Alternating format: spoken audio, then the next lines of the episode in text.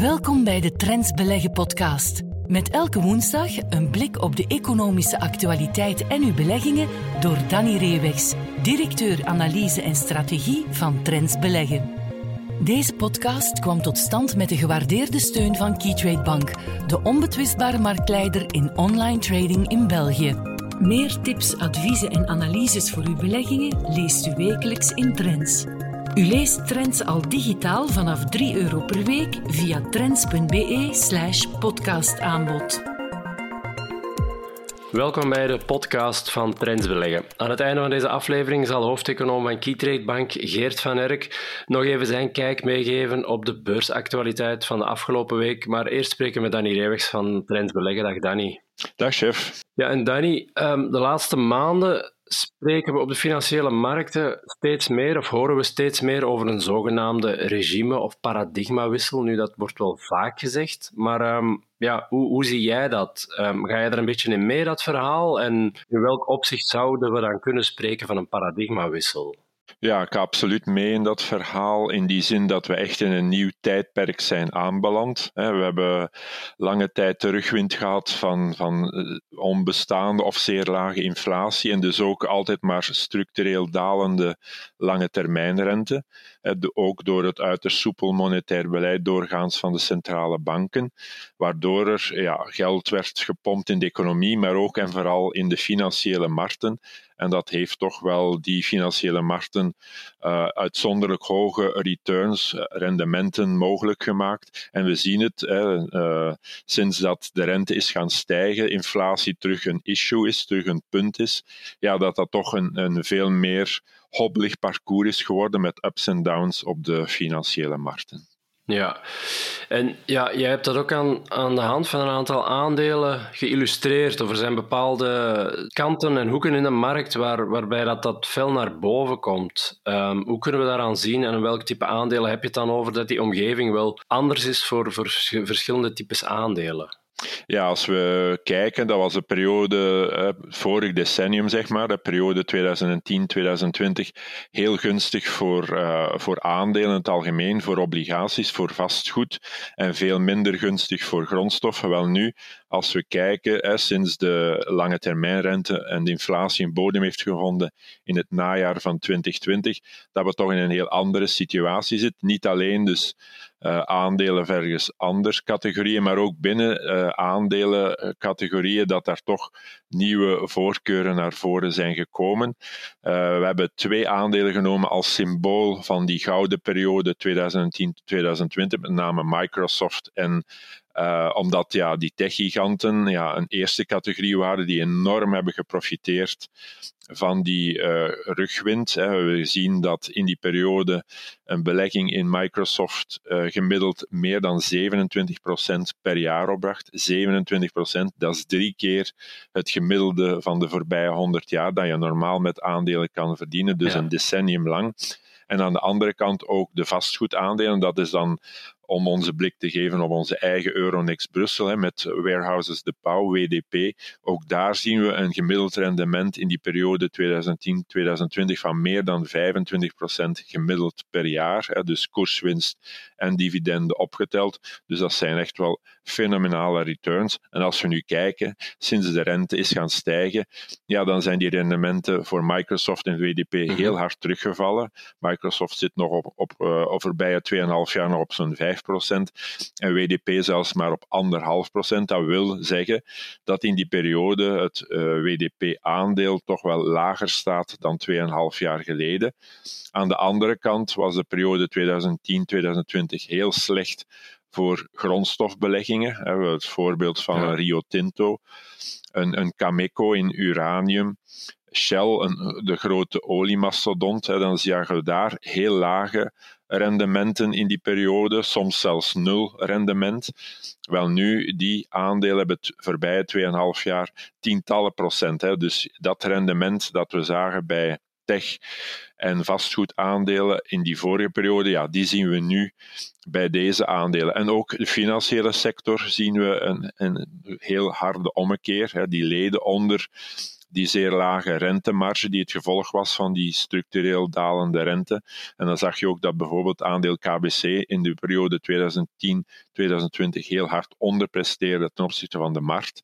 Wel nu, de voorbije 2,5 jaar, is dat ook meer dan 20% geworden. Ook daar dus de ommekeer, want de rentemarge voor de financiële aandelen is nu wel, uh, voor de financiële bedrijven is nu ook wel veel gunstiger dan in die eerdere periode. Ja, dus je hebt die nieuwe types bedrijven die zullen profiteren van het nieuwe regime.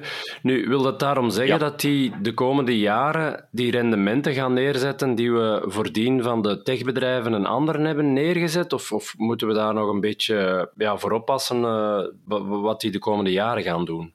Ja, dat is toch wel de boodschap, dat dat niet eh, was voor een heel korte tijd, hè, van, van twee, drie jaar, hè, zoals nu is. Nee, ik denk dat het zich gaat bestendigen voor de rest van het decennium, omdat we zien in de geschiedenis, als inflatie terug in het systeem komt, dan krijg je dat er niet zo gemakkelijk meer uit. En dat is denk ik ook de vaststelling van de voorbije weken, dat inflatie toch wel taaier is dan eerst geschat, en dat je dat niet zomaar krijgt naar die niveaus van voor uh, de corona- en de Oekraïne-crisis, terug naar die 0 à 2 procent.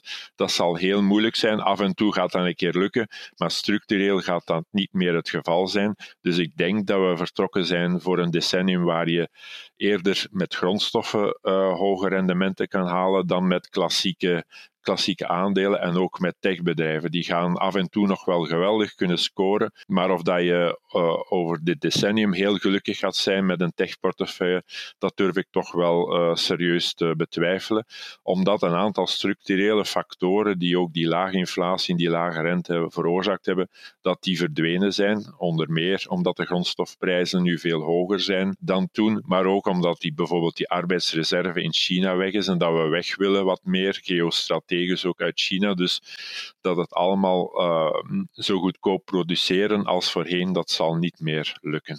Oké, die boodschap is duidelijk. Dan komen we bij de aandelen voor deze week. Het eerste dat jij erbij hebt genomen is Belgische B-kaart. Staaldraadproducent, waarschijnlijk ook niet immuun voor al die grondstoffenstijgingen en prijsstijgingen. Hoe heeft Bekaert het er vorig jaar van afgebracht? En met name over die, die hogere prijzen, heeft het die kunnen doorrekenen en zijn marges op peil houden? Ja, als we globaal mogen beoordelen, moeten we zeggen ja, dat Bekaert heel goed heeft stand gehouden en toch een perfecte storm met een enorme opstoot in inflatie en een aantal prijzen, ook de lonen, uh, dan zie je wel hè, dat er impact is op de volumes. Hè. Die zijn gedaald in 2022 met 9% ten opzichte van 2021, maar ze hebben toch flink wat prijsstijgingen kunnen doorvoeren, zodat de omzet wel met 17% is toegenomen tot 5,7 miljard euro. Er is wel impact op de, op de marges, hè, maar 8,1% uh, bedrijfswinstmarge, dus EBIT-marge, is toch nog altijd zeer behoorlijk. Niet zo ver onder de doel, langjarige doelstelling van 9 à 11 procent. Dus dat is niet dat we daar verschrikkelijk onder zijn gegaan. En globaal dus toch wel uh, een bewijs dat uh, na een lange transformatie dat toch heel goed doet en heel goed weet stand te houden. Ja, ja want je spreekt van transformatie. Velen associëren het nog altijd met de staaldraad voor in de autobanden. Maar ondertussen lijkt het bedrijf zich ook wel een beetje op een nieuwe groeiniche te hebben ges, geworpen, met name waterstof. Hoe zit dat verhaal precies en wat zijn daar de eventuele verwachtingen en beloftes rond? Ja, je hebt daar een divisie, Specialty Businesses, hè, dat is zo'n beetje de groeidivisie, waar uh, werkt aan allerlei technologieën, allerlei producten, om uh, die ja, gunstig zijn voor de klimaattransitie. En een van die uh, elementen daarin is uh, efficiënt produceren van waterstof. De, de, technologie daarvoor ontwikkelt Bekaert. Dat is in 2022 nog een heel kleine divisie, met een omzet van een 15 miljoen euro. Maar dit jaar moet dat al verdubbelen. Eh, richting 30 en tegen 2025 mikt men al op 100 miljoen euro omzet. Dus dat is toch wel uh, een van die uh, elementen in het verhaal te zeggen, ja, eh, kijk, Bekaert heeft toch ook voor de komende jaren het nodige groeipotentieel en is mee in heel dat groeiverhaal van klimaattransitie. Ja, en dan resultaten waren oké, okay, 2022. Hoe staat de balans ervoor? Staat het bedrijf er financieel nog sterk genoeg voor? En, en zegt het iets over of dat het aandeelhouders nog verder kan belonen met dividenden of aandelen inkopen? Ja, voor de voorbije jaren is er heel hard gewerkt aan die balans om die te verstevigen. We hebben gezien ook ja, die transformaties doorgevoerd. Ook in 2022, in dat moeilijk jaar, zagen we toch nog altijd een heel mooie rendabiliteit. En dus ondanks de lagere winst heeft Bekaert beslist om toch het dividend met 10% op te trekken en een nieuw inkoopprogramma van eigen aandelen van 120 miljoen euro uh, te lanceren. Dus dat zijn toch allemaal elementen om aan te geven, Bekaert financieel gezond, kan wel tegen een stootje.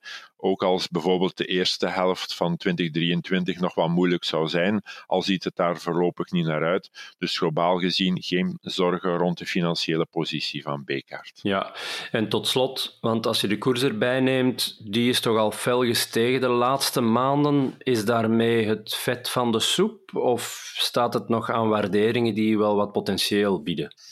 Ja, eh, zou op de eerste zicht zeggen van kijk, oei, dat is al heel hard gestegen, daar moeten we best uh, van afblijven. Het is te laat om in te stappen. Maar als we zien ja, naar de waardering, een acht keer de winst betalen, ja, voor een bedrijf toch in volle transformatie, waar ook nog een aantal groeielementen bij zijn, zoals die klimaattransitie, zoals die uh, technologie om efficiënt waterstof te gaan produceren, hè, waar heel wat potentieel is dit decennium, ja, dan moet je zeggen, ja, acht keer de winst betalen, dat betekent toch dat de markt nog niet ten volle gelooft in die transformatie en dat er als uh, kan bevestigen met de resultaten dat ze terug in een periode van groei zitten, ja, dan is die waardering verre van overdreven. Ja, bij Bekaert is uh, het einde van het verhaal nog niet in zicht. Uh, het andere aandeel voor vandaag, dat is misschien een minder mooi verhaal. Uh, de farmaspeler Mitra, ik denk in 2022 bij van de slechtst presterende aandelen uh, op de Belgische beurs. Ja, vanwaar die slechte prestatie? Hoe staat het ermee met Mitra en hoe komt dat het zo tegenvalt de laatste jaren eigenlijk? Ja, dat is inderdaad een, was een heel beloftevol verhaal, eh, maar dat is tot nu toe helemaal niet uitgekomen voor de aandeelhouders. Helaas een heel triest 2022 met, met wat drie kwart van de beurswaarde die in rook is opgegaan, omdat dus Mitra toch wel in financiële nood is, voortdurend moet uh, geld bijtanken en ja, dat drukt heel hard op de koers. We hebben uh, denk ik 2022 aangehad met een koers ongeveer van 20 euro. En we zijn ondertussen al onder de 3 euro teruggevallen geweest. Dus dat is heel dramatisch, omwille van die voortdurende tankbeurten, zal ik maar zeggen, aan, aan geld. Uh, omdat uh, ja, die verkopen van Estelle, hun eerste middel dat ze op de markt hebben, anticonceptiemiddel, ja, dat die toch nog relatief bescheiden zijn. De royalties die uh, Mitra ontvangt van de partner in Europa, Gideon Richter, en van het Australische Main Pharma voor de Amerikaanse markt. Hè. Dat, dat zit nog altijd in enkele miljoenen en daarmee kan je kosten absoluut niet afdekken. En dan was er hoop gesteld in 2022 dat er voor het nog meer beloftevolle um, middel tegen de gevolgen van menopauze, Donesta, dat daar een globale wereldwijde licentiedeal zou beslist worden, afgekondigd worden. En dat is niet gebeurd. Er is opnieuw, net als Estelle, een enkel een regionale deal gesloten voor Europa en een aantal andere markten. Terug met Gideon Richter, de, de vertrouwde partner voor Europa, voor Estelle. Maar 60% van de omzet zou moeten komen voor Donesta ook uit Amerika. Ja, daar is nog altijd wachten op een deal. En dat betekent dat die geldzorgen voor Mitra nog altijd niet verdwenen zijn en dat weegt duidelijk nog altijd op de beurskoers. Ja, je spreekt van geldzorgen. Hoe staat het er financieel voor? Heeft het nog voldoende cash beschikbaar of zitten er nieuwe kapitaalverhogingen of andere uh, leningen aan te komen die, die nadelig kunnen zijn voor de, voor de aandeelhouders? Ja, Mitra zult een serieuze schuld mee. Uh, maar ja, ze hebben ondertussen ja, het geld ontvangen van Gideon Richter voor die Donesta-deal. dat was 55 miljoen euro. Dus tijdelijk zijn de geldzorgen verdwenen, maar dit is geen definitieve oplossing. Eer uh, Donesta op de markt is en eer uh, Estelle voldoende verkopen realiseren, ja, zullen er nog flink wat verliezen gemaakt worden. En dus op een gegeven moment is dat ja, voor een jaar uitstel. Dus er moet toch wel een, een goede, lucratieve deal komen voor Donesta, voor de Amerikaanse markt, om die geldzorgen voor een tijd, voor een wat langere periode, aan de kant te kunnen schuiven. Dus daar is het de komende maanden toch echt wel op, op wachten. Ja, en dan is er ook nog sprake van uh, wat wissel in het management. En ze zijn op zoek naar een nieuwe CEO. Eén, wat weet je daar al over? En twee, als die nieuwe CEO ehm, aankomt, wat moet hij dan doen om het tijd te keren? Wat moeten zijn of haar prioriteiten zijn volgens jou?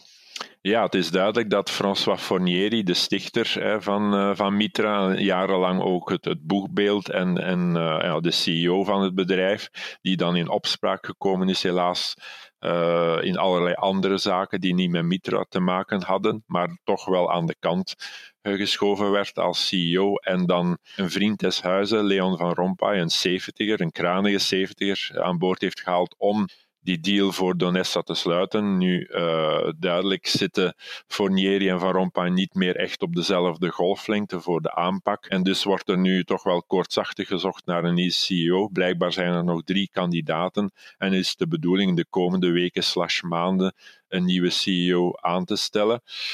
Uh, betekent dat Van Rompuy dan niet die deal uh, voor Amerika kan sluiten voor Donesta? Ja, dat is nog een, nog een vraagteken. Misschien is dat dan zijn laatste wapenfeit misschien ook niet. Anders wordt dat denk ik toch al een heel belangrijke taak voor de nieuwe, voor de nieuwe CEO. Maar die moet toch vooral aan de kosten uh, gaan sleutelen en vooral ook ervoor zorgen dus, ja, dat die financieringen kunnen, kunnen stoppen. En, dus dat het bedrijf die geldzorgen niet meer heeft en toch zich volledig kan richten op de, het commercieel potentieel van zowel Estelle, dat verbeteren, en ook van Donesta. Ja, nu tot slot, uh, want ja, het was duidelijk geen succes tot hiertoe met Mitra. Het is een aandeel dat ook in de selectie van de trends beleggen portefeuille zit. Jij zelf, welke lessen trek jij hier nu uit en wat is, hoe kijk jij momenteel naar dat aandeel en hoe probeer je al een beetje in te schatten welke scenario's er in de toekomst mogelijk zijn en dan te kijken wat jij ermee zult doen uh, binnen, binnen de portefeuille dan bedoel ik. Ja, het is heel duidelijk dat uh, make or break moment wordt. Hè, dus het jaar gaat maken of kraken. Dat is die Donesta deal voor Amerika, die hopelijk er de komende weken slash maanden zit aan te komen. Dat dat een, een deal is die die financiële zorgen van Mitra, die er heel duidelijk zijn, toch voor een hele tijd kan wegduwen, dat de markt daar positief op reageert. Dat zal bepalen of het aandeel in de portefeuille kan blijven of niet. Maar het geeft aan ja, nog altijd dat ja, toch een heel hoog risicogehalte is in die biotech en dat alles moet meezitten. Dus ook op vlak van management, dat daar geen grote schokken zijn en dat het volledig kan gericht worden op het uh, potentieel van de geneesmiddelen. En dat is bij Mitra toch op een gegeven moment haast bijzaak geworden, niet meer hoofdzaak. Hè. Er zijn te veel dingen misgelopen, waardoor het aandeel ook niet het potentieel heeft kunnen realiseren dat er eventueel had ingezeten. Ja, ik onthoud make or break voor Mitra dit jaar. We zullen er ongetwijfeld nog op terugkomen. Jij bent uh, heel hard bedankt voor jouw kijk deze week en graag tot de volgende keer. Tot de volgende keer, graag gedaan. We luisteren nu naar Geert van Herk, Chief Economist van Keytrade Bank, met zijn analyse op een aspect van de economische actualiteit. Hallo iedereen en welkom bij de Trends Beleggen podcast. Ja, hoe kan het ook anders? In deze podcast gaan we ook even stilstaan bij de recente actualiteit. Want ja, de beurzen bevinden zich toch opnieuw in een sfeer van hogere volatiliteit, dalende koersen. En ja, als we het afgelopen weekend zo'n beetje ja, de, de financiële economische media lazen, de verschillende economische financiële websites zou consulteren, dan bleek het toch of we terug gecatapulteerd werden naar de tijd van eind 2008, begin 2009, de laatste grote financiële crisis en met heel wat banken die het toen zeer, zeer moeilijk hadden. Dus ja, de emotionele rollercoaster is weer op gang gekomen. Dus uh, opnieuw, als we recentelijk ja, de pers lezen, dan lijkt het toch wel of ja, we staan opnieuw aan de rand van een zware uh, depressie. Een grote beurscrash uh, lijkt ons te wachten te staan.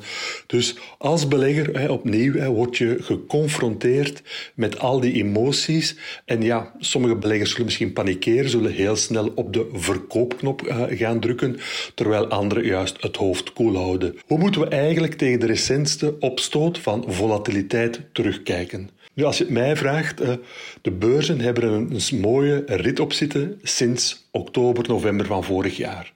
Als we naar onze eigen Bel 20 kijken of naar de Europese beurzen in het algemeen, ja, die hebben zeer sterk gepresteerd sinds oktober, november vorig jaar. Dat geldt ook voor de Verenigde Staten, maar het is zeer duidelijk vanuit een internationaal perspectief dat die Europese aandelenmarkten het zeer goed gedaan hebben. Maar grosso modo kunnen we zeker stellen dat sinds oktober, november 2022 de beurzen er een heel mooie rit hebben op zitten.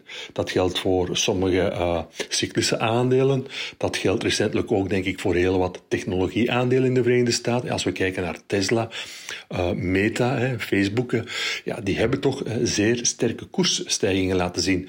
Dat er dan is op een bepaald moment ja, een correctie optreedt, dat er wat, ja, wat winst genomen wordt, uh, dat er de, de stijgende trend tijdelijk uh, een beetje stopt, hè, omdat de markten wat overgekocht zijn, uh, is het niet meer dan logisch dat er een correctie optreedt. En ik denk dat dat de juiste manier is om tegen de, de volatiliteit van de afgelopen dagen aan te kijken. Als we kijken naar ons eigen land en naar de Bel 20, ja, sommige aandelen, zoals KBC, heeft het sinds oktober, november ja, zeer, zeer goed gedaan. Solvay Aperam, B-kaart. Dus heel wat cyclische namen uh, hebben het zeer, zeer goed gedaan. Maar algemeen gesproken, opnieuw, ik herhaal mezelf, maar de Bel 20 heeft er ook een mooie stijging op zitten de afgelopen maanden. En dat heeft er toch toe geleid dat sommige technische indicatoren wat in het rood gekomen zijn. Dus dat er nu even een adempauze uh, optreedt, is ook uh, niet meer dan logisch. Ik denk dat er wel één gamechanger lijkt aan te komen. Dat is als ik vooral kijk naar eh, de, de grafieken van de lange termijnrente, de Amerikaanse tienjaarsrente bijvoorbeeld. Ja, dan zie je daar dat we van maart 2020 tot nu maart 2023 continu gestegen zijn. De rentestijging was denk ik het belangrijkste thema van de afgelopen jaren. Maar ook daar zie ik toch een beetje ja, verschijnselen, toppingsverschijnselen voor de komende weken en maanden. Ja, we weten dat het moeilijk is om te voorspellen natuurlijk, maar ik verwacht me toch aan lagere lange termijn rentevoeten. En dat zou opnieuw de volgende maanden zuurstof kunnen geven aan de beurzen en zeker aan sectoren die de afgelopen tijd zwaar geleden hebben onder uh, de rentestijging. Uh, opnieuw, als we naar ons eigen land kijken, naar de Bel 20, dan geldt dit denk ik vooral voor uh, de vastgoedaandelen, die een serieuze correctie gehad hebben in 2022, recentelijk ook hersteld zijn en die misschien opnieuw de komende weken en maanden steun kunnen krijgen van die rentedaling of die verwachte rentedaling. Wat we ook zien is dat de goudprijs zeer mooi aan het opveren is. De goudprijs noteert nu aan zeer hoge niveaus. Het is ook de lange termijn grafieken een belangrijke weerstand die we nu ontmoeten. Als we daar opnieuw opwaarts kunnen uitbreken, kan dat ook denk ik voor een versnelling zorgen uh, van de stijging van de goudprijs. Dus dat zijn denk ik opnieuw ja, misschien ook opportuniteiten die je eens kan je bekijken om misschien toe te voegen aan je uh, eigen portefeuille. Maar opnieuw om even uh, deze podcast af te ronden. De recentste marktvolatiliteit is denk ik vooral te wijten aan de zeer sterke stijging die we de afgelopen drie, vier maanden gezien hebben voor uh, de index en ook sommige sectoren die het uh, de afgelopen drie, vier maanden zeer goed gedaan hebben. Dat heeft ertoe geleid dat sommige technische indicatoren wat in het rood gegaan zijn. En dat er nu dus een afkoelingsperiode optreedt die dan gepaard gaat met wat uh, ja, negatief nieuws. Ja, dat is uh, niet meer dan logisch. Dat is ook een onderdeel van het spel. Correcties horen nu eenmaal bij het spel. En als belegger komt het erop aan om in die periodes je emoties onder controle te houden en vooral je beleggingsbeleid, de discipline die je moet aan de dag leggen bij het beheren van je portefeuille, dat je die aanhoudt. Dus opnieuw, als je een bepaalde strategie hebt en je volgt die en je ziet nu bijvoorbeeld ja, koopopportuniteiten opduiken door de daling van de afgelopen dagen, van een aantal aandelen die je volgt, maar die je nog niet gekocht hebt, kan het misschien nu het moment zijn om die aandelen te kopen. Misschien ook nog uh, toevoegen, op de lange termijn grafieken zien we eigenlijk nog geen signalen dat de stijgende trend van uh, oktober, november vorig jaar, dat die in gevaar komt. We zien dat toch zeker niet in Europa. Dus de recentste paniek, denk ik, is niet gerechtvaardigd uh, om te gaan zeggen van ja, uh, dit is het begin van een nieuwe zware beursdaling. Tot op dit moment heb ik daar nog geen signalen van. Dus het hoofd koel houden in deze, in deze stressperiode is denk ik het belangrijkste. En opnieuw, bekijk je portefeuille. Heb je een lijstje gemaakt van aandelen die, die je wil aankopen, kan het misschien nu wel een opportuniteit zijn om die aandelen in portefeuille te nemen. Ik dank u alvast voor de aandacht voor deze podcast en we horen elkaar opnieuw volgende week. Meer tips, adviezen en analyses voor uw beleggingen leest u wekelijks in Trends.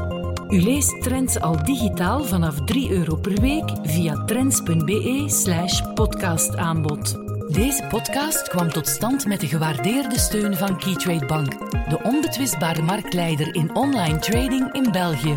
Volgende week zijn we er opnieuw.